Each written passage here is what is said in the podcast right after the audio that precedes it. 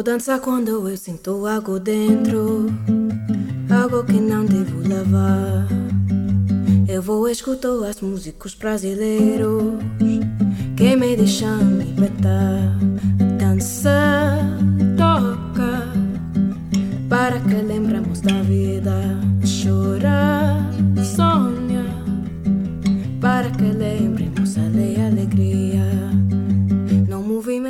Bos días, boas tardes ou boas noites dende o recuncho de Arquitecturas en Fronteiras, no segundo andar da Escola de Arquitectura da Coruña.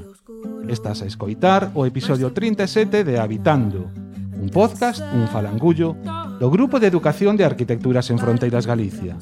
Eu son Juan Ortiz. Ola, eu son Marta Casal. E tamén está connosco Iago Carro, integrante de Ergosfera, pois prácticamente, vamos, seguro, dende a súa fundación en 2006 de Aiola, buenas. Ergosfera naceu como unha asociación de estudantes de arquitectura e tras varias fases, neste momento, xa cunha longa trayectoria, é unha cooperativa que traballa en propostas urbanísticas e tamén no estudo das formas de uso e urbanización do territorio contemporáneo. A súa perspectiva alónxase da práctica tradicional da arquitectura e do urbanismo pola súa mirada crítica, sempre presente esa mirada, poñen en dúbida o existente, fomentan o diálogo e o debate con todos os asentes implicados nos contextos concretos nos que traballan. E entre eses asentes está, por suposto, a veciñanza. Prácticamente eu diría que sodes activistas en prol dun urbanismo participativo.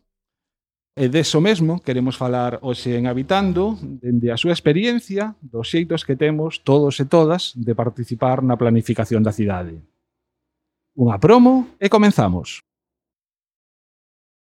Podgalego. Podgalego.agora.gal Oh, ah, eu sabía que era punto. A ver, veña, dicímolo outra vez. Podgalego. Podgalego. Podgalego. Podgalego. Podgalego. Podgalego.agora.gal No, outra vez, outra vez, outra vez que non está, non está grabando agora. Moita xente facendo cousas moi interesantes que está comunicando en galego. Podgalego.agora.gal Pois moi benvido, Iago. Hai buenas. Antes de nada, non sei se estás de acordo coa ou queres engadir algo. Ah, a presentación no, no, no. que fixemos de Ergosfera.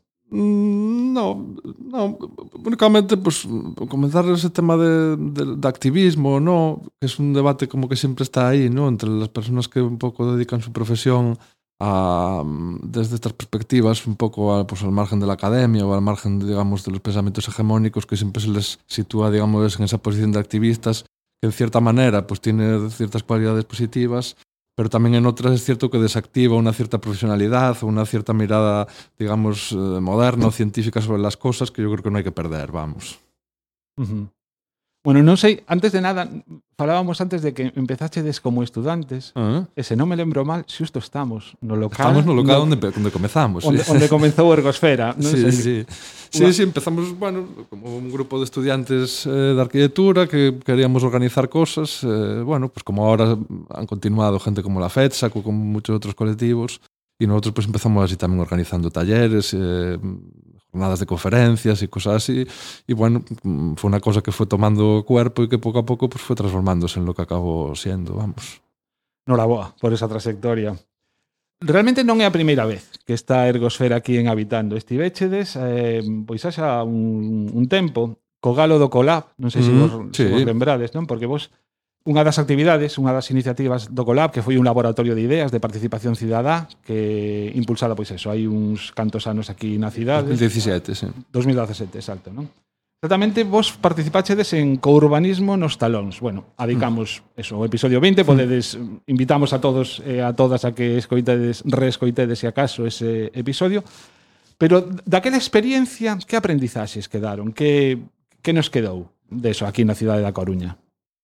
Mm, yo creo que, que muy poco, en el sentido de que estos trabajos, bueno, mm, quizás vino a explicitar eh, cómo tras la crisis inmobiliaria, por ejemplo, mm, hoy en día ya sabemos que no hemos aprendido ni siquiera los, las cuestiones más básicas que digamos que trajeron a la luz eh, esa crisis, tipo pues eh, construir más no significa eh, mejorar el acceso a la vivienda de la población, ¿no? Un silogismo tan básico como ese, pues no se ha comprendido y hoy sigue siendo un argumento perfectamente eh, comentable en un medio de comunicación por un político que construir más implica necesariamente pues, una rebaja de los precios del alquiler o de la compra, cuando sabemos objetiva y científicamente que eso no es cierto.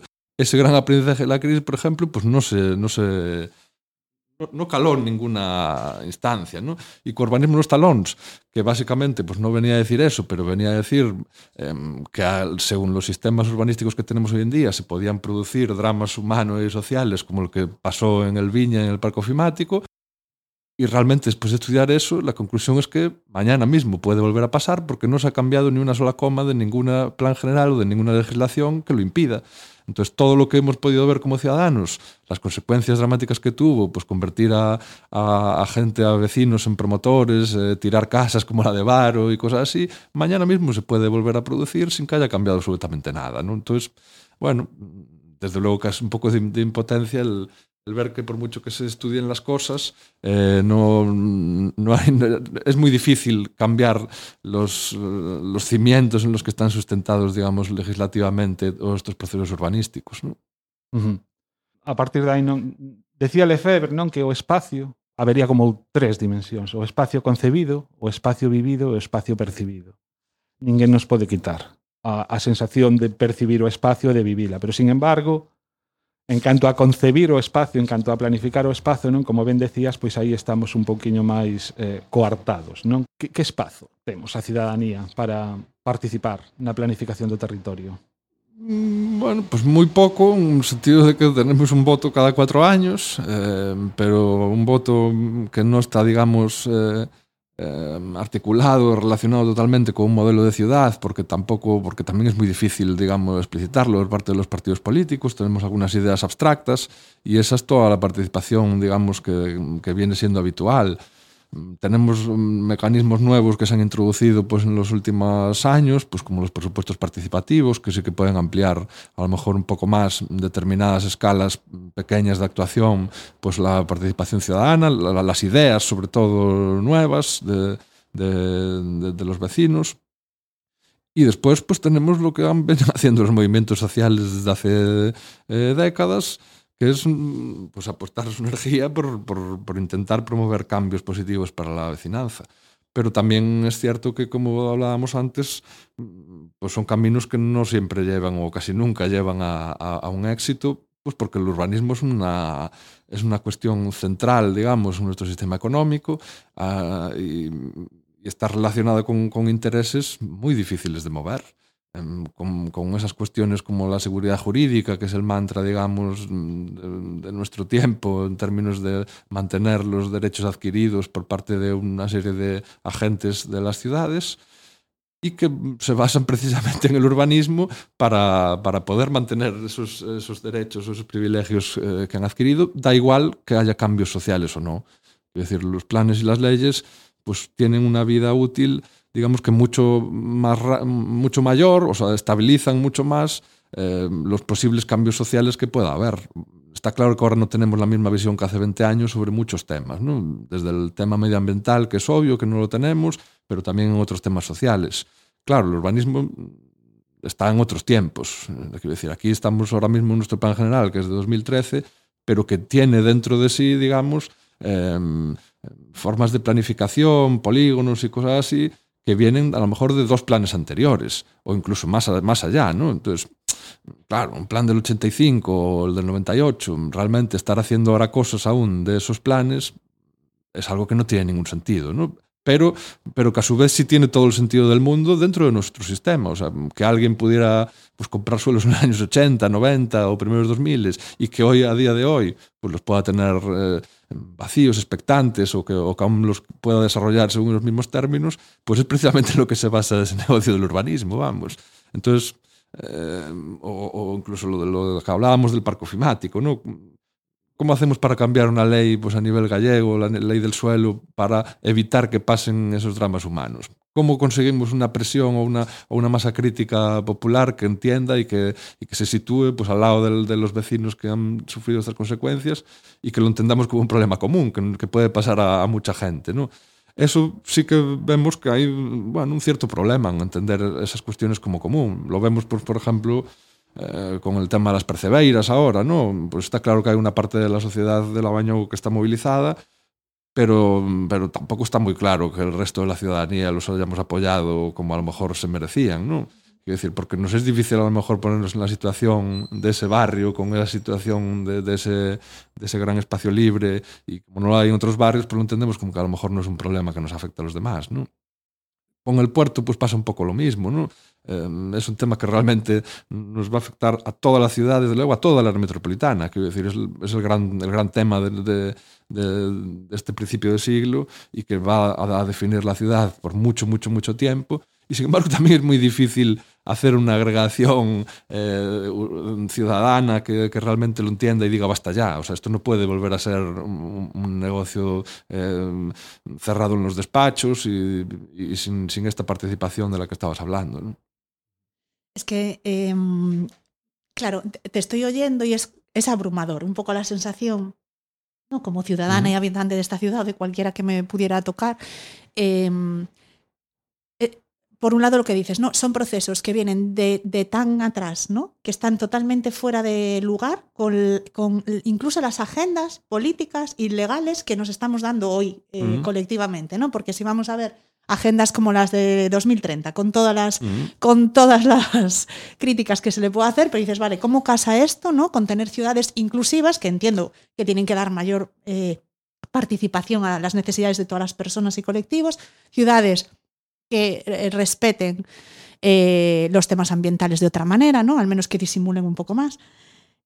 Entonces, estamos como en esa lógica, ¿no? De, preservar derechos adquiridos y derechos futuros, ¿no? O comprometiendo derechos futuros. No sé cómo se resuelve esto. Entiendo que no hay conflicto en la práctica. En la práctica de la acción política, no sé cómo se maneja este conflicto, ¿no? Que un concello esté obligado a respetar unas cosas previas y a la vez a cumplir una agenda que le obliga uh -huh. a ta, ta, ta.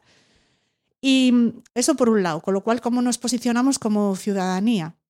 Y luego poder entender, porque quizá hay algunas brechitas, algunas puertas donde nos dejan ver y opinar, pero realmente falta todo el trabajo. O sea, yo digo, como ciudadana yo no entiendo el proceso del puerto. O sea, no, no, no he todavía co comprendido lo que implica eso. Por más que lea, es como ruido, ruido, pero -huh. ¿qué puedo hacer? ¿Qué, ¿Qué, está en juego en realidad? O sea, oigo campanas, ¿no? Pero... Eh, entonces realmente falta todo un trabajo pedagógico y de realmente querer informar también, ¿no? O sea, que mm, creo que hay, o sea, como ver esas barreras, que aparte de la baja movilización ciudadana, ¿no? Que pueda haber en general, pero que, eh, cuáles son como las primeras barreras que hacen que no, que no sintamos eso como algo propio, ¿no? Que no nos afecte, que yo, que pensemos que no, a mí las percebeiras no me, o el parque de aquí, o que le quiten la casa a sus vecinos para dejar el espacio ahí muerto de risa años. Eh, no sé, como una ciudad pequeña cuesta incluso eh, tener una información mínima, clara, ¿no? Es... sí, no, hay, hay cosas que perdón, se... Perdona, que incluyen la pregunta. ¿Qué papel juegan los medios de comunicación en todo esto? Hombre, un papel fundamental, como en todo, ¿no? Quiero decir, los grandes medios de comunicación masivos, y aquí en Galicia, pues tenemos el tema del de ese casi monopolio de la voz de Galicia, eh, que es un medio que básicamente defiende sus intereses. Claro. Tiene su propia agenda política, una agenda política que en determinadas ocasiones pues, se mimetiza, por supuesto, con la de la Xunta. Quiero decir, es un escándalo ver los, los programas de televisión de Galicia que copian directamente las noticias de la voz de Galicia. Quiero decir, es exactamente la misma agencia de información. ¿no? Claro, es un hándicap tremendo, tío. Quiero decir, ya a nivel gallego estamos perdidos porque toda la información que tenemos, digamos que está mediatizada por, por la corporación Voz, vamos. Y pues aquí, pues, por ejemplo, pues tenemos un caso muy, muy claro que hemos podido ver todos. ¿no? Pasamos de una legislatura en la que la voz de Galicia era el gran enemigo del Concello, eh, machacó absolutamente cada uno de los proyectos que salieron del Concello en una legislatura, y ahora, con un simple cambio de, de, de, gobierno, de repente hay una amistad total. Quiero decir, lo que, lo, lo, que antiguamente se, lo que antiguamente eran los DJT, que eran un intento, pues con todos sus defectos y todas sus, sus posibles mejoras, de, de, introducir un debate con la ciudadanía, pues ahora se transformó en llevar a la alcaldesa con Pablo Portavales y que la voz de Galicia sea quien filtre las preguntas. ¿no? Eh, por supuesto, es el periódico de referencia del Concello, etcétera, etcétera. Quiero decir, los medios de comunicación tienen un, son un agente más y en este caso, pues, pues un agente importantísimo, no, no cabe ninguna duda. Bueno, es una cuestión de tiempo, quiero decir. Yo entiendo que todo cada vez habrá más medios de comunicación y, se irá limando poco a poco eh, este desfase absoluto entre los intereses del medio de comunicación y los intereses de la población, vaya. Respecto a lo que eh, hablabas antes, claro, es muy difícil de entender y yo, entiendo que la mayoría de, de las cuestiones referidas al urbanismo pues quedan muy lejos de, digamos, ya no solo de la educación general, sino lo que podemos entender por sentido común, quiero decir, eh, incluso en este temas del puerto en muchos otros, yo entiendo que a mucha gente le resulta extraño pensar, oye, pero ¿cómo que espe- eh, administraciones públicas del Estado están especulando con terrenos en la ciudad que eran públicos? Eso está fuera del sentido común, ¿no? Que, que el Ministerio, que el SIEB eh, esté destrozando la cárcel y que no se pueda hacer nada ahí, que el Ministerio de Defensa esté especulando con los terrenos de la maestranza y quiera venderlos a toda costa para construir, que el puerto y puertos del Estado quieran especular con los terrenos del puerto, realmente es algo inconcebible, ¿no? ¿Por qué administraciones públicas están eh, teniendo el mismo papel que si fueran agentes Sí. privados en la ciudad? Mm, Incluso para nosotros es algo muy difícil de entender, ¿no? Pero, pues en determinado momento se entendió que las administraciones públicas, eh, dentro de esta deriva neoliberal, pues que se tenían que convertir en empresas y que tenían que tener cuentas de resultados exactamente igual, ¿no? Claro, realmente mm, con todas estas cosas, pensar que en determinado momento el, el, el Concello, digamos, pusimos suelo para unas determinadas actividades y que una vez esas actividades pierden su función, no se nos va a devolver el suelo, sino que se nos va a cobrar por ese suelo, claro, es algo que es tan difícil de entender que nos lleva a situaciones como la actual, ¿no? en la que todo, en todos estos sitios pues, surgen pequeños movimientos de resistencia, pues está la, la plataforma en defensa do común, eh, están pequeños movimientos sociales en cada uno de estos eh, casos concretos, eh, pero claro, es lo que decíamos antes, es una escala tan grande que vamos a protestar desde una ciudad para que se cambie una ley estatal del, de cuál es el papel que tienen que tener estas instituciones. Eso es complicadísimo de pensar. Es decir, ¿cu- ¿cuántas vueltas tiene que dar esto para que llegue un gobierno a, a Moncloa que realmente diga, oye, esto es un disparate?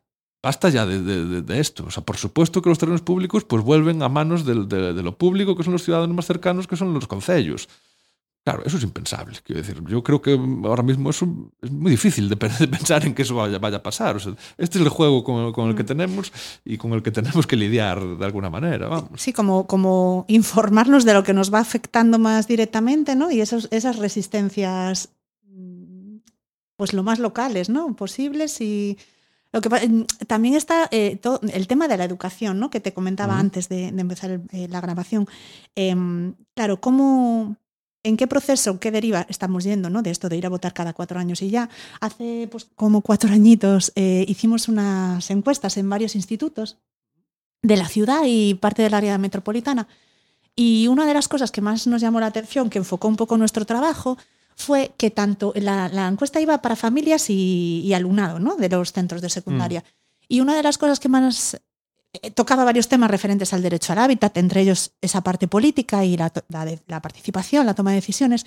Y en esto sí que había una mayoría y un acuerdo general de que la participación eh, es conflictiva, entonces mejor no participar, que se encarguen los políticos, que para eso les pagamos, que qué tenemos nosotros que decir sobre cómo hay que gestionar una ciudad, ¿no?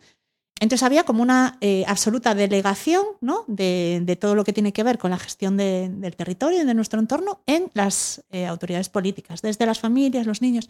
Y entonces eso nos pareció como, ostra, eh, no es que hay una mm, impotencia o resistencia, sino que veíamos que hay un acomodo con esta Mm. situación, ¿no? Y eso, eso nos sorprendió un poco, no sé en qué mundo estábamos viviendo, pero claro, empezamos a trabajar un poquito a muy pequeñita escala eso, modo laboratorio, cómo podemos empezar a meter otro, no sé, otro gusanillo ahí, o por lo menos a tambalear un poco esta creencia, ¿no? Y mm, bueno, estamos en ese proceso, pero vemos lo, lo duro que es y cómo, cómo a esa legitimidad ¿no? de esas instituciones y de esos representantes se va uniendo toda una cultura sobre mm, un desapego con lo público y lo común, ¿no? Mm. que no sé cómo percibís o cómo, o cómo valoráis. eh, bueno, es, ese cóctel, ¿no? Entre esta- estos son los legítimos gestores y de, lo que nos afecta y además qué es lo público hoy en día, qué es lo común y, y yo qué pinto ahí, ¿no? Porque si, vemos lo, si no lo vemos, ¿no? si lo común está en espacios privados, si lo común o público lo vemos como peligro, ¿no? si empezamos a ver nuestros barrios como espacios no de acogida, sino de peligro, ¿no? podemos ver ahora un poco lo que está pasando en barrios como Os Mayos o como Lagra o como, ¿no? que están siendo estigmatizados y que tampoco es casual. ¿Qué relación tiene eso con, con su papel en esta ciudad, ¿no? con su espacio? No sé cómo... Mm. A ver, bueno, sobre el tema de la participación, claro, aquí falta mucha cultura de participación y evidentemente yo entiendo mm, que se pueda ver como un problema, como dices tú, o como algo que realmente pues tampoco me interesa mucho y prefiero que lo hagan otros y, de- y delegarlo, ¿no? También es cierto que ni hemos tenido experiencias, digamos, que hayan ido formando ese sustrato em, de gente interesada en participar, que no sé, pienso ya, ya se, se inculturan el tema, por ejemplo, por referéndums o, o- o formas de participar en ese sentido. Pienso, recuerdo cuando fue el, el Palexco, ¿no? Cuando había sido aquella experiencia que, que- que el más votado por la ciudadanía fue el, el- no- fue el que no se hizo, vamos. No, no me acuerdo de eso. sí, Yo creo sí. que no estaba viviendo aquí en hubo, ese una, hubo una votación Por el ciudadana Palesco. y salió otro proyecto y finalmente se hizo este pues porque se, se quiso así, vaya. tío. Y al, al final eh, incluso hay una sentencia del Tribunal Superior de Justicia de Galicia que determinaba que la propuesta elegida finalmente era la peor. Quiero decir, entonces, quiero decir, se pasó la participación eh, por ahí. Eh, No, no iba desencaminada. el siguiente, el siguiente proceso ya supongo que sería el, el proceso del puerto actual, que también hubo un microproceso participativo, una votación, bueno, y ahí quedó. Quiero decir, cuando se van haciendo así pequeños pasos de, de- de votaciones sobre cuestiones, pero no tienen la más mínima repercusión, eso también es un gran Claro. aliciente para, para hacer que la gente deje de Claro. creer en estas cosas, ¿no? Quiero decir, y no es una cosa que se vaya a solucionar de un día para otro, o sea, hay que tener muchos años de procesos de este tipo para que se genere un, un sustrato en el que la gente vea, Y oye, una necesidad, ¿no? Que le la utilidad y la... y que se vea, decir, hay una, una máxima que habla siempre Rubén Martínez eh, sobre la participación, es solo hay participación si hay redistribución de poder. Quiero decir, en cuanto la gente se da cuenta de que mm, su pregunta no es una pregunta banal o la pregunta que le hacen o la decisión que va a tomar, sino que es realmente está tomando una cota de poder que alguien que antes tenía otra institución, otra persona, otro cargo y de repente la tiene él como ciudadano, Oye, eso cambia, porque ya no estamos hablando de, de participar como jueguecito, sino estamos hablando de que adquieres un poder y a casi todo el mundo le, le interesa y le da cierto, cierto placer tener la capacidad de tomar Sí, sí, decisiones de sobre, sobre su vida y lo común. Y cierta responsabilidad también. Por supuesto, por supuesto que, es un- que, que no solo es eso, sino también una responsabilidad, desde luego. O sea, que habría una conciencia, aunque sea inconsciente, de manipulación, podríamos decir, de que, de que la gente en los procesos de participación es pura consulta y a veces ni la consulta se considera. Desde ¿no? luego, hasta Como que ahora es sí. un nivel tan bajo Claro. que...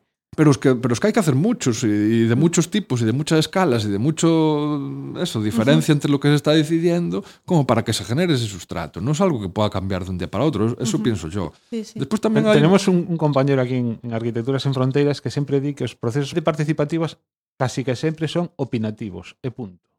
Sí, sí, está claro, porque no hay poder en juego, Mm, quiero decir, claro. se, se basa solo en otras cosas. Pero incluso así, o sea, incluso no pasaría nada si empezáramos Sí. con cosas que tuvieran opinar, poquito claro. poder, algo de poder, pero poco en juego, Por- para, para ir formando. El problema es que estamos años luz de eso.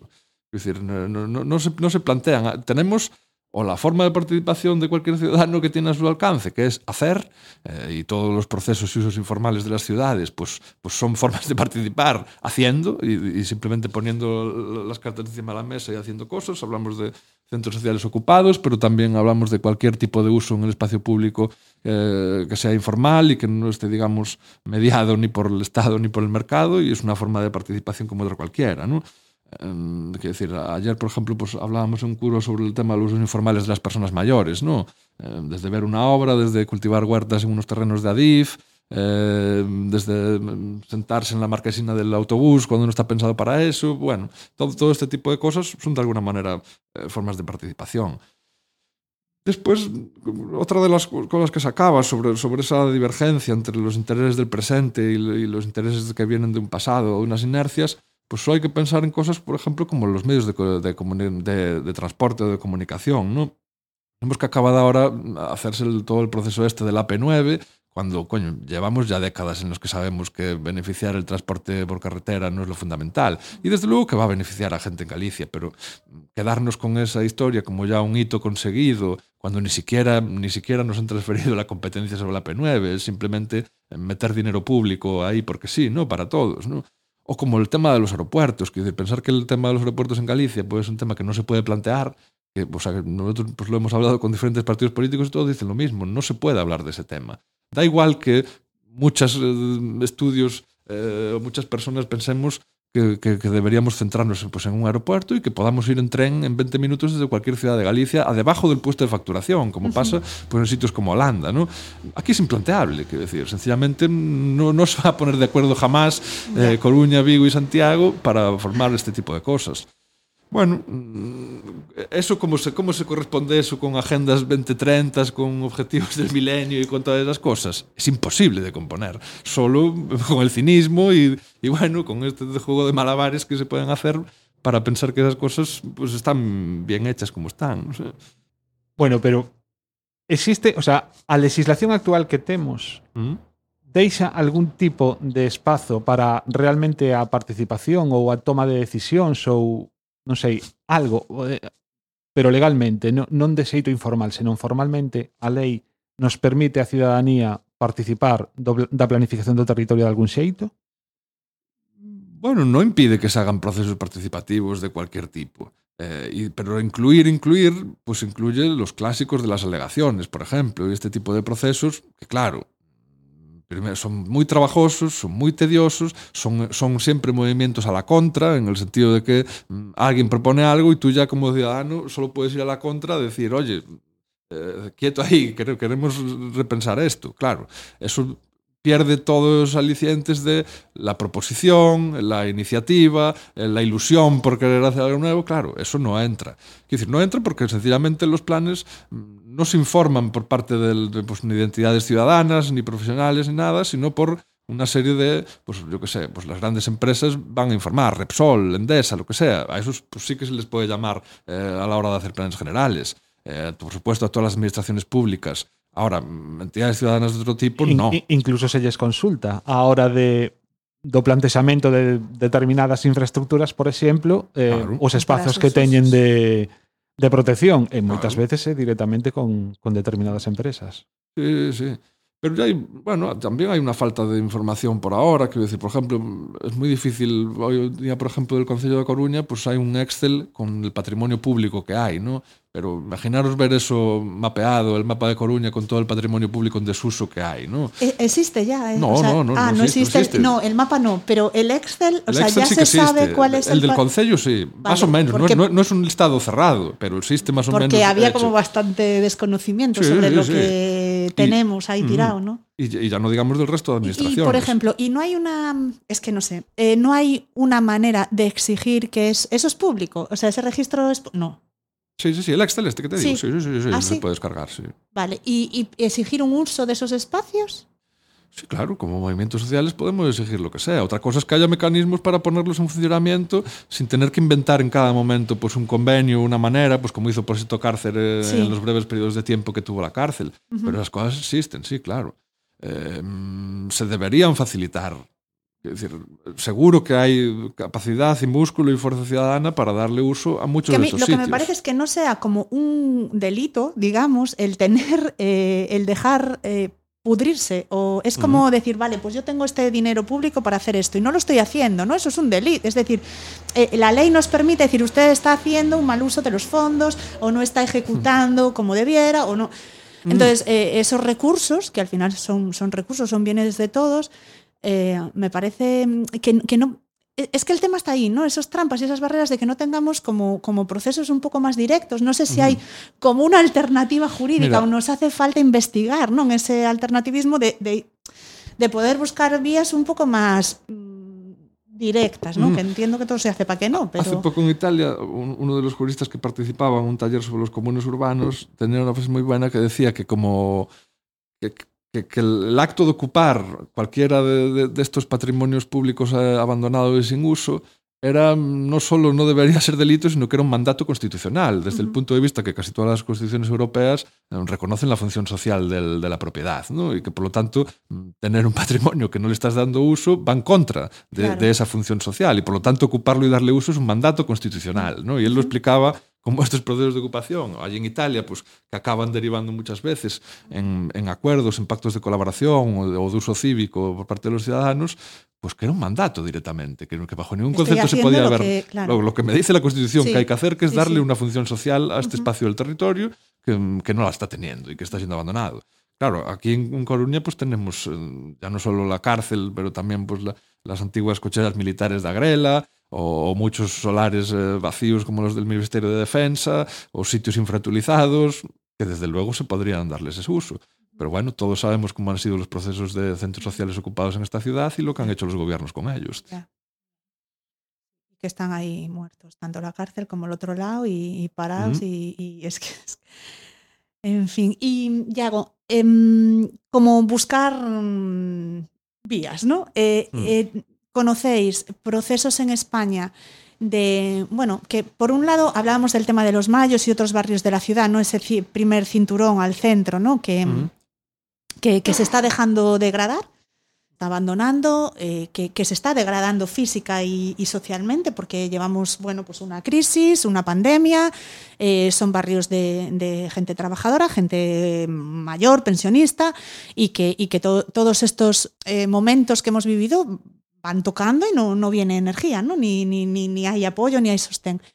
Entonces, por un lado, sabemos que ahora hay esto en movimiento, ¿no? De poner el foco en la peligrosidad social, ¿no? Y las este discurso de la, de la peligrosidad social en vez de, de- de, bueno, de solicitar o demandar el, el apoyo ¿no? social, económico, político que debiera de haber. Y también yo siento, yo vivo en uno de estos barrios, ¿no? en el Agra, como el peligro de, un- de una gentrificación ¿no? también y de la expulsión de las, habitantes de, estas zonas. Entonces, pensábamos el otro día como si hay experiencias o conocéis de barrios ¿no? con sus habitantes que hayan sido, bueno, estratégicos en ciudades, que hayan sido cuidados, atendidos, pero que eso no haya derivado en un proceso de gentrificación necesariamente, ¿no? Y si hay experiencias de ese tipo o, o no tenemos, ¿no? O, o, o, si hay, ¿qué ha pasado ahí? ¿Cómo se ha cuidado eso? ¿Qué? A ver, el, el, tema este de todos estos barrios, ¿no? Podríamos hablar, por ejemplo, de todos los barrios entre las rondas, ¿no? Sí. Lagra, Sagrada, Sagrada. Familia, Os Mayos, etc. Claro, pensemos que en este momento en el que está surgiendo este conflicto amplificado por los medios de comunicación, una vez más, y por ciertos movimientos sociales eh, de ultraderecha, etc., claro, es un momento en el que se está hablando de estos barrios en el que a la vez, eh, pues tanto Concello como Xunta, por ejemplo, pues están planteando pues, gastar 20 millones de euros en, en, los, en los, muelles de batería y Calvo Sotelo, o que está planteando pues, gastar no sé cuántos millones en la reforma de la Marina, eh, o cosas así. ¿no?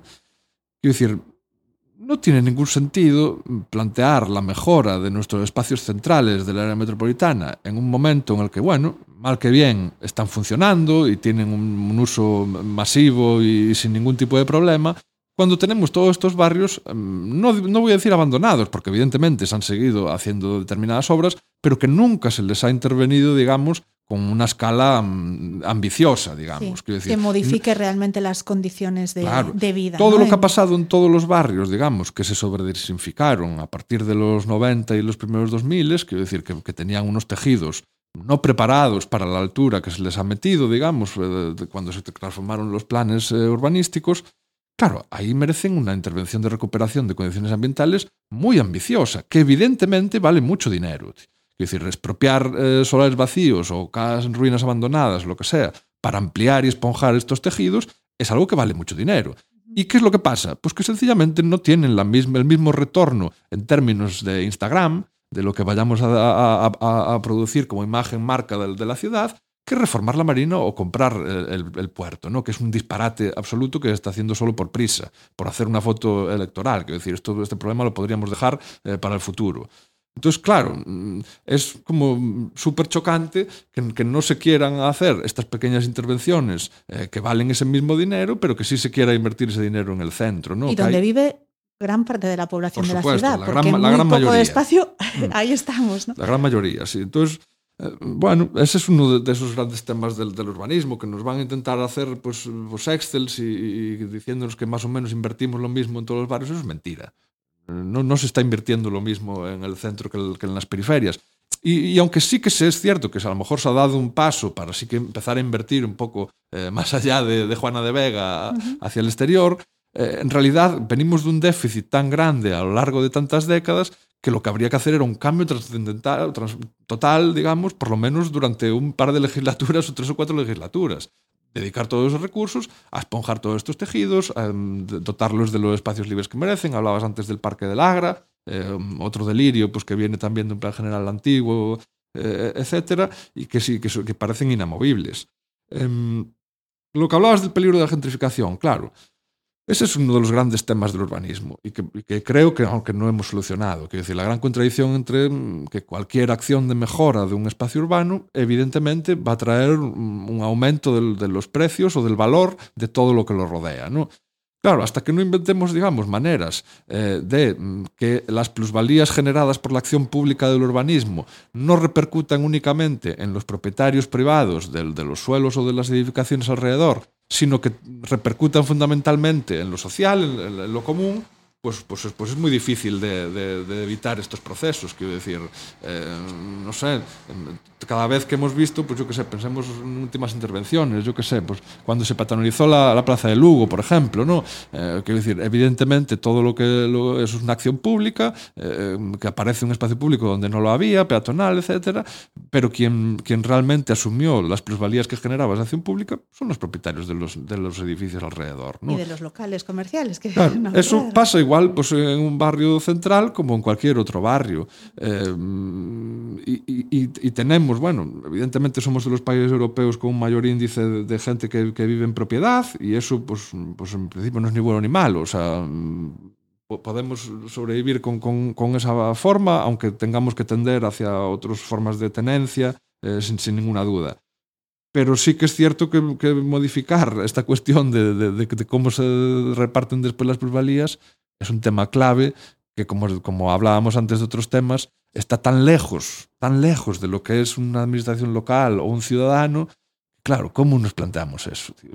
Pues hay- habrá que, inventar algún tipo de mecanismo para suavizarlo y, para hacer que por lo menos, pues yo qué sé, pues, pues poder controlar. Lo que está claro es que hoy eh, la tecnología siempre se utiliza para mil y una cosas de controlar el territorio, pero nunca se utiliza para controlar aquellas cosas que realmente sí podrían ser útiles. Quiero decir, se podría tasar perfectamente cuánto valen los alquileres en una ciudad o en un barrio antes de transformarlo y decir, chicos, esto no se puede cambiar de aquí, o sea, no, no, eh, después de que os arregle esta plaza y os ponga tal, no vale que subáis los alquileres en X años, tío. Eso se podría hacer. Decir, no sé si constitucionalmente seguramente sería anticonstitucional, porque vendría alguien y diría que no puedes intervenir en la libertad del mercado o cualquier otra cosa. Es que, falando de dereitos, o dereito a propiedade privada sempre priva, sempre está por enriba do dereito, por exemplo, a vivenda. Claro, desde luego nuestra constitución es así. Decir, en nuestra constitución, pues al contrario que en, que en la italiana, que sí que se, se- se explicita igual que en la española la función social del- del- de la propiedad, pero no se pone la coletilla esa que se pone en España de, que, bueno, de que cualquier asalto, digamos, a este derecho, pues habrá que recompensarlo como no sé qué, no sé cuánto, ¿no? Quiero decir, eh, por ahora sí que ha primado el derecho a la propiedad, desde luego, sobre el derecho social, al- o sea, sobre la función social de la propiedad o sobre el derecho a la vivienda que ni siquiera ha sido desarrollado, vamos.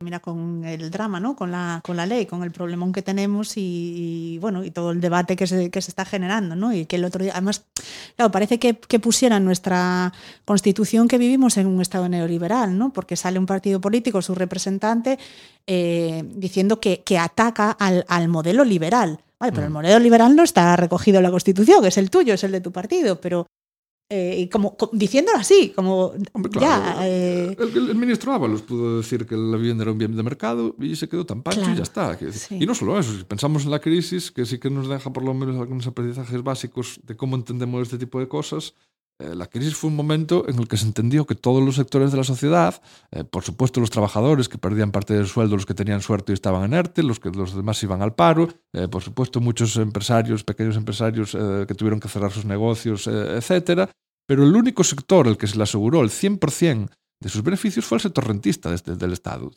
Es decir, nadie, a nadie se le aseguró que no iba a perder nada como a la gente que alquilaba eh, sitios para vivir en este país. Eso es un tan disparate, es tan locura lo que pasó en ese momento, em, pues ya otras cosas como lo de em, solo es gran tenedor quien tiene 10 o más viviendas. Pero vamos a ver, eh, quiero decir, habrá mecanismos que se le puedan aplicar a gente porque no tenga 10 pero tenga 5. Progresivamente, ¿no? La progresividad. O, progresivamente. Quiero decir, todas estas cosas, bueno, pues lo que nos dicen es que el sistema inmobiliario en España es un peso enorme. Quiero decir, que, que, Es nuestra que- constitución, que en la gran podríamos crisis que va a vivir nuestra generación no se pudo hacer nada, ni un poquito, por quitarles un mínimo de poder a los rentistas y que todo dependiera finalmente de la, de la suerte, la casualidad de cada cual, quiero decir, negocios o personas que viven en un sitio y que tuvieron la suerte de tener caseros, pues que les dejaban no pagar durante unos meses o que les dejaban retrasar el pago, cualquier cosa. Eh, O sea, que eso haya dependido de la bondad y la casualidad de la gente, es terrible que no hubiera habido un mandato eh, explícito del gobierno de decir, oigan, señores, aquí nos paramos todos, incluidos los que están viviendo de rentas. Tío. Pues no fue. Decir, eso para mí es la gran, o sea, esa para mí fue la, la gran, la gran demostración del poder del, sector rentista inmobiliario en el Estado fue durante la crisis, vamos. A mí me, a mí me sobrepasó, o sea, me, me sorprendió muchísimo la, ahí, la- la ¿no? capacidad que tuvieron de no moverse brutal. ni un milímetro, ni un milímetro se logramos mover. Tío. Entonces, Voltando un pouco a- aquí á cidade da Coruña, que organizacións, supoño que sobre todo as asociacións de veciños, non?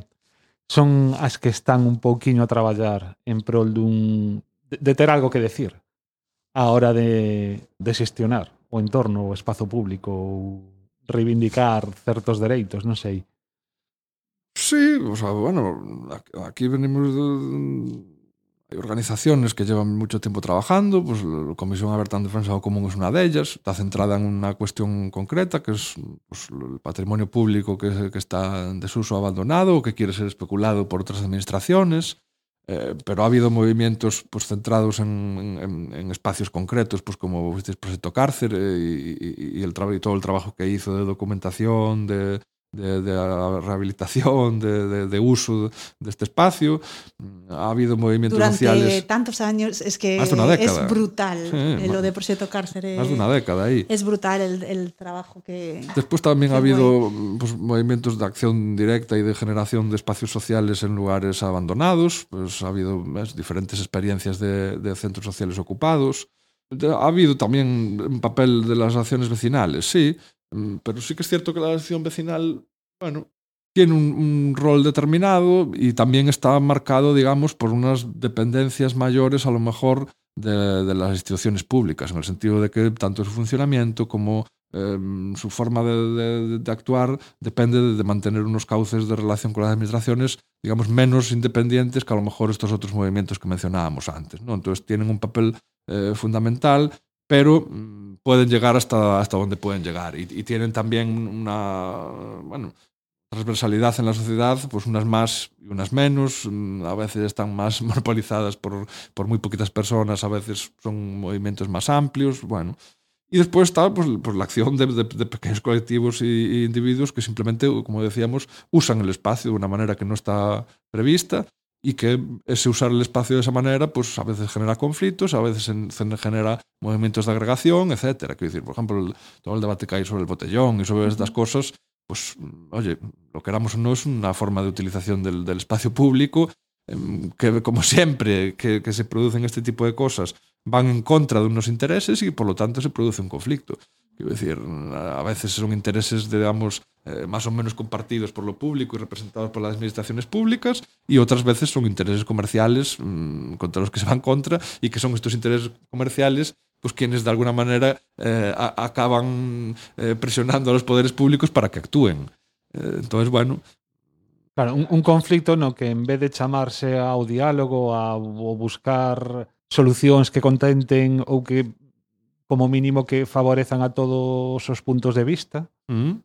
Non vamos a escoitar única e exclusivamente a certos asentes, pois deixando, por exemplo, eso, a, a rapazada fora da, do diálogo. Mm. Hai, hai, hai, hai un miedo moi extraño hacia este tema del diálogo e del debate, ¿no? Pensamos en el caso este de que está viendo ahora de lo del Serión, ¿no? Que, sí. que nosotros escribimos un artículo y trabajamos mucho sobre el tema de los grafitis y, y las pintadas, pero, que, pero lo trabajamos desde el punto de vista de, de todas aquellas mm, manifestaciones o comunicaciones urbanas informales que no tenían ni, por supuesto, el reconocimiento de la industria del arte contemporáneo, ni el reconocimiento de las administraciones públicas, ni siquiera el reconocimiento popular. O sea, nos interesan realmente todo lo que está al margen de todo este tipo de reconocimiento, que es, que es otro tipo de comunicación. Pero claro, viendo que dos o tres años después de escribir esto, se está luchando desde las administraciones públicas por un eh, proceso creativo que tiene reconocimiento popular, es ya una vuelta atrás. O sea, no es que ya hayamos mejorado, es que hemos empeorado. Es que se está luchando contra algo que a la gente le gusta, Mm. pero sencillamente no tiene un sello de- del- del concello, ¿no? Claro, eso es ya un disparate total que ya te habla de que, de ni siquiera son eh, administraciones públicas eh, capaces de aprovecharse. exacto, de, sí, y que no son nada de- inteligentes. De, capturar y aprovecharse de, Ni lo que hay. ¿no? No. Ya es como ya. Es como que ya, igual que hablábamos antes del, del miedo que se infunde a la chavalada o, o- o a la gente, bueno, ese miedo como concepto que ya viene siendo trabajado desde hace mucho tiempo, ¿no? Pues, pues también las administraciones públicas tienen miedo. Hay un miedo ahí Sí, a no sé qué, sí. a, a perder el control, a Sí. algo que, que es desquiciante. Yo, mm, a- yo tengo esa sensación, he trabajado aquí en la administración pública, no, no directa, pero bueno, a través de proyectos y tal, y, y lo que veo en los últimos años, que lo, que lo hablamos varias veces, es como una necesidad de control eh, cada vez más grande que se manifiesta, pues bueno, en muchas personas que trabajan ahí, que no se puede ni comunicar, ni se puede hablar, ni, o sea, todo, absolutamente todo tiene que estar permitido, ¿no? Desde un nivel que es imposible, o sea, que te lleva a la parálisis, porque tú no puedes controlar todo, o sea, tienes que delegar y tienes que... Entonces, hay un miedo, mm, bueno, no sé muy, muy bien a qué, quizá eso, pues esto que, no, que nos vamos contagiando unos a otros, ¿no? Y que en vez de...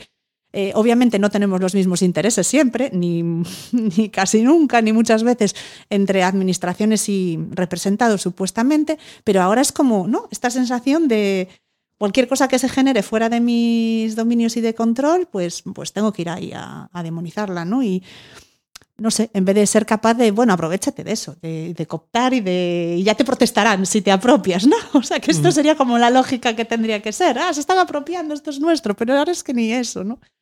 Y no sé, como con el tema de. que hablábamos antes, ¿no? Del. del pues del miedo también a eso que es público y común y que, que no sé, que tendremos que hacer ahí un trabajo no sé, em- emular más a, a quien está ocupando y a quien está no sé, habitando, habitando la, la calle, ¿no? Lo que pasa que, que, bueno, que está viniendo cargada de tanto estigma y de. No sé, no sé cómo saldremos de esta situación, además que hemos vivido este año y medio, ¿no? Y como que estamos un poco, yo siento aún un poco como desubicados, volviendo a, a aterrizar. Eh, no sé cómo, qué podremos retomar y recuperar y revivir a nivel social y a nivel de organización social, porque yo siento a la ciudad como a esta, muchas otras, ¿no? Entiendo como un momento muy, Mm, muy bajo de, mm. de actividad eh, propia, ¿no? De las personas y de los colectivos. No solo por la pandemia, ya viene de antes, ¿no? Todo el ciclo político anterior, pues que desgastó mucho y que, que llevó mucha gente, ¿no? Al colapso, eh, de- que invirtió mucho en otros espacios y que, que, que agotados, ¿no? Y, lo que quedó, pues no pudo sostenerse, ¿no? Costó, costó mucho. Y luego la pandemia, pues. Entonces, no sé. Yo creo que ahora mm, nos mm, enfrentamos como una nueva etapa con, con muchísimos retos a muchos niveles de, formas de vida.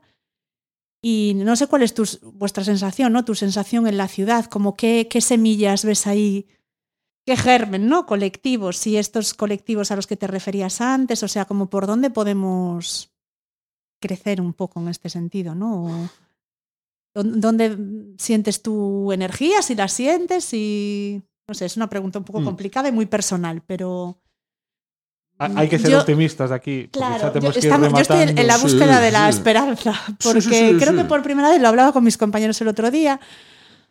Eh, pues estoy un poco desesperanzada. Siempre he estado como bastante conectada a muchas cosas, trabajando mucho en todo lo que podía y, y ahora siento como que digo, ¿a dónde no? tenemos que volver a generar? Pero veo también mucho agotamiento personal, eh, colectivo. Bueno, y- a ver, estas cosas irán surgiendo con sus tiempos, quiero decir, todos los, los procesos, digamos, más autónomos y, y relacionados con esas experiencias de centros sociales, etcétera, volverán a surgir. De eso no tengo la más mínima duda, con sus tiempos y tal. Eh, habrá cuestiones que ahora mismo están trabajando en otras ciudades que se ha intentado que prendieran aquí y no prendieron aún, pero llegarán. Me refiero ejemplo. pues, a cuestiones como los sindicatos de inquilinos, por ejemplo, Ajá. que están teniendo ya una fuerza muy importante en Madrid y Barcelona, en otras ciudades, y estoy seguro que en algún momento, como ya están consiguiendo cosas, y ya no estamos hablando de utopías, sino de, de gente que consiguió que se cambiaran legislaciones realmente, que era lo que estábamos hablando antes, o sea, Sí. gente que consiguió convertir un problema individual de, de- de personas que se quedaban eh, sin que les subían el alquiler o que los desahuciaban, lo han convertido en un problema, por lo menos a nivel de, catalán, lugar, de, una, ¿no? de una ley, y se, y se va a intentar conseguir a nivel estatal. Quiero decir, que estas cosas acabarán llegando también.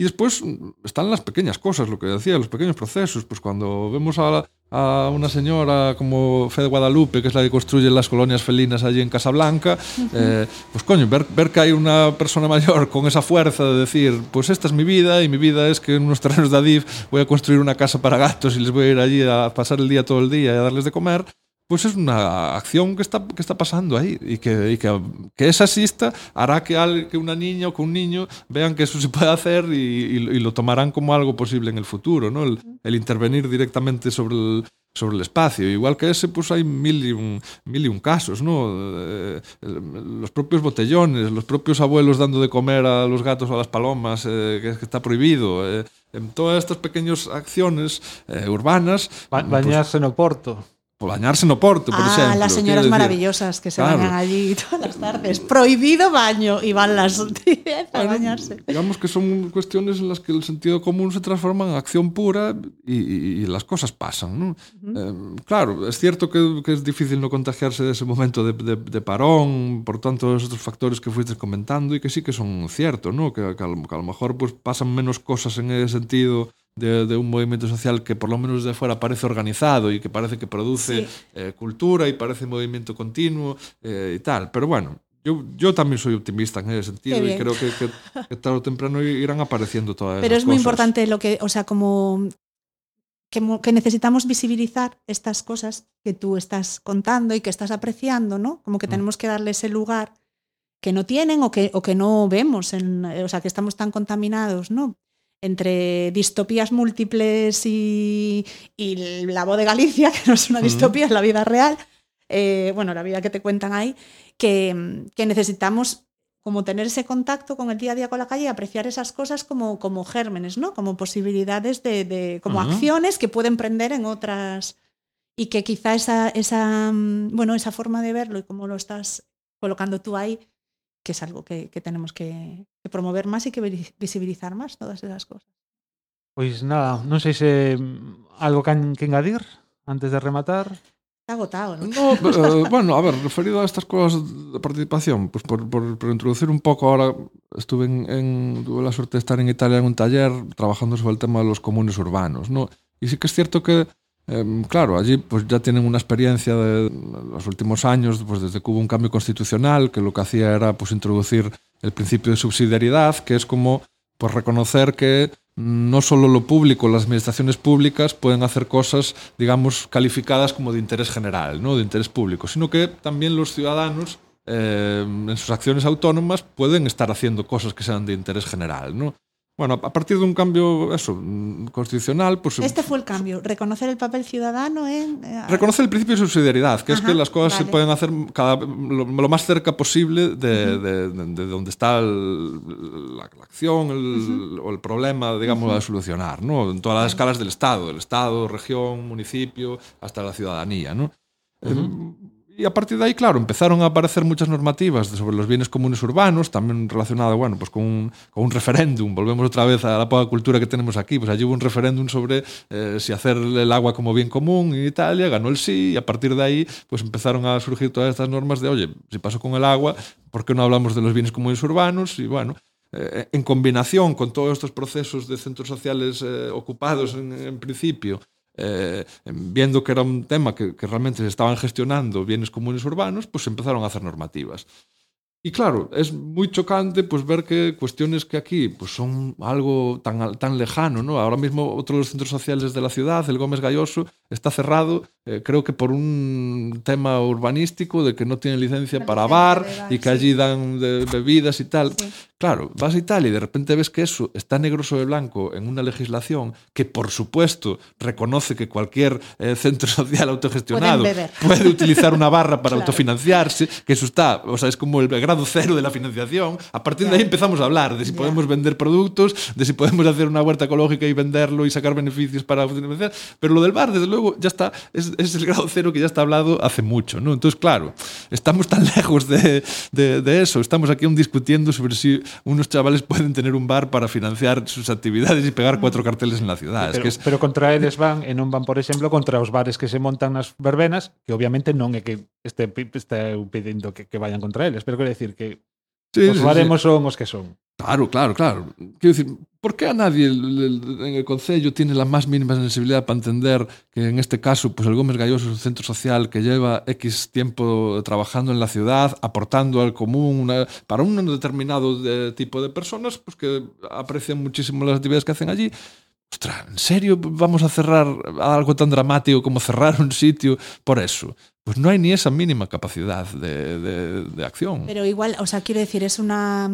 Igual tiene que ver con ese miedo. Es que es lo que. lo- de las pocas cosas que quedan, vamos a cerrarlo, no, no sé. O con una, es que es A una ver, cosa. yo- Me parece tan que vayan a por una barra de un bar. Es que no me creo. Claro. ¿Qué pasa? ¿Un, un inspector por allí? Es que no. Sí, sí, pues a lo mejor sí. O sea, pero si, si fue así, si fue algo casual que pasó a alguien, lo descubrió, no sé qué, pues no hubo ni la cintura de, de- Ya, de poder de decir, decidir. bueno, claro, "Oye, es que os reunís a especial, hacer actividades". Esto no es una gente que esté lucrando Claro. de este tema, sino que este es un caso Sí. especial que por lo tanto hay que tratar de Sí, una sí. manera especial. Que además que es que no Eso sí fue así. Si, si ya fueron directamente a por ellos, pues ya me parece un delirio, porque Ya. no me creo que les puedan, digamos, eh, dotar de esa escala de peligro para los intereses del, del gobierno del PSOE o lo que sea a un pequeño centro social de la ciudad, ¿no? Mm, Pero bueno, claro, eso, comparado con, con lo que están pensando en otros sitios, que como os decía, es plantearse otras cosas, es plantearse, pues, cómo es la responsabilidad, ¿no? Que dice, el gran problema de, de estos sitios autogestionados es a quién empujamos si pasa algo. Eso, explicado claramente, es así, ¿no? Entonces, claro, siempre hay que tener pues, una organización formal, una asociación en la que haya un presidente al que podamos Claro, meter en el pero ya existe si esa pasa figura, algo. pues se tiene- Entonces, allí pues, se están planteando otras cosas. Se está Claro. diciendo, oye, pues hay gente que dice, oye, no, esto no puede ser una organización formal en el que haya un responsable. Entonces hay gente que dice, bueno, pues hagamos responsable a toda la organización. Entonces, en vez de hacer un responsable presidente, hacemos, pues que somos 20 socios, somos 20 responsables. Uh -huh. Y hay otra gente que dice, no, no, no, ni siquiera nos vale eso. Lo que queremos es que lo que sea responsable sea la forma de organización. Quiero decir, que, que, no, que un espacio esté eh, determinado no por unas personas que lo ocupan, sino porque ese espacio su forma de, de gestión tiene que ser la asamblea, una asamblea pública, no sé qué. Entonces, no existe una responsabilidad como persona física. Existe la responsabilidad como una Del asamblea órgano, que es informal asamblea. completamente y que por lo tanto no, no hay que poner nombres ni nada. ¿no? Decir, entonces, se están en unos Sí, debates claro. de un nivel de complejidad muchísimo más que, lo, Claro. que lo que tenemos aquí ahora sí, mismo. de ¿no? formas de organización ¿no? y jurídicas que- Claro. que, nos tenemos que plantear para muchas eh, cosas, pero que aquí seguimos en la. Decir, es que prácticamente no puedes ni pedir una sala de un centro cívico si no eres. eh, bueno, ahora ya sí, siendo una persona, pero bueno, tienes que ser persona. Pero si no, bueno, yo recuerdo en el Ágora que lo habíamos pedido un grupo del barrio y nos preguntaron eh, el orden del día. ¿De qué íbamos a hablar? Y digo, estáis de broma. O sea, ¿cómo te voy a dar el orden del día? O sea, este, este era como, bueno, vamos a hacer el de que un grupo informal, pero entonces el orden de- del día, en un espacio municipal, ¿no? En Que fin. se llama Ágora. es que, yo dije, vamos a, a bautizarlo como búnker, porque entrar aquí es imposible, vamos. Bueno, te, temos que ir rematando. eh, non, non corto, pero o sea, antes de cortar, mm, un, unha mensaxe optimista. O que, o que decía antes, temos temos que, vamos, temos que mirar o futuro, algo tería, teremos avanzado, supoño. Mm. Sí, sí, desde luego. Sí. Yo creo que en cada. o sea, igual que se pone la metáfora esa de las gafas para muchas otras cosas, creo que la ciudad se puede mirar con otros ojos optimistas viendo em, que hay muchas microacciones y muchos microprocesos que están pasando y que no están, digamos, en esa dinámica de- del pasotismo, ni, de, ni del control administrativo, ni de nada de eso, sino que van por otros eh, cauces. Hay que fijarse en ellas. Antes de marchar, como poden contactar con Ergosfera ou contigo? Ah, ah, nos, eh, todos os nosos traballos publicamos sempre en aberto porque unha máxima do noso traballo da devolución á sociedade de todo o que facemos está na páxina web ergosfera.org e, e despois nas redes sociais pois, eh, o que máis utilizamos é Twitter eh, ergosfera barra baixa org eh, pero tamén en Facebook, Instagram, onde sexa Pois moitísimas grazas, Iago e esperemos gracias, que non Iago. Sí, esperemos que non sexa a última vez que te pasas por aquí, eh? Cando que irades, sen problema Moitas gracias.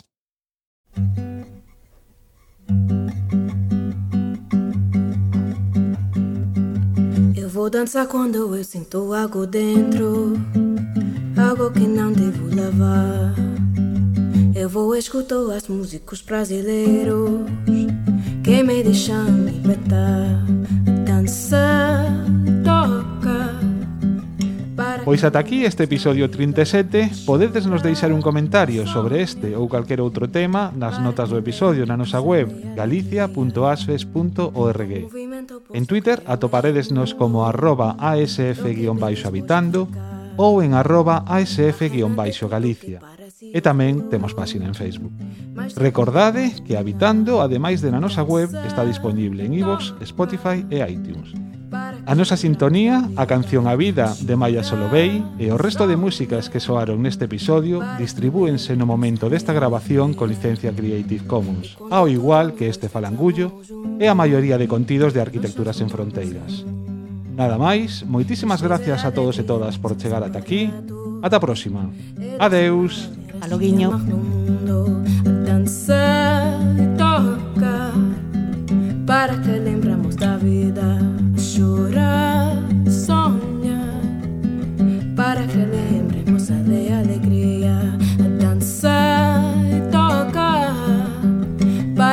lembramos da vida chorar.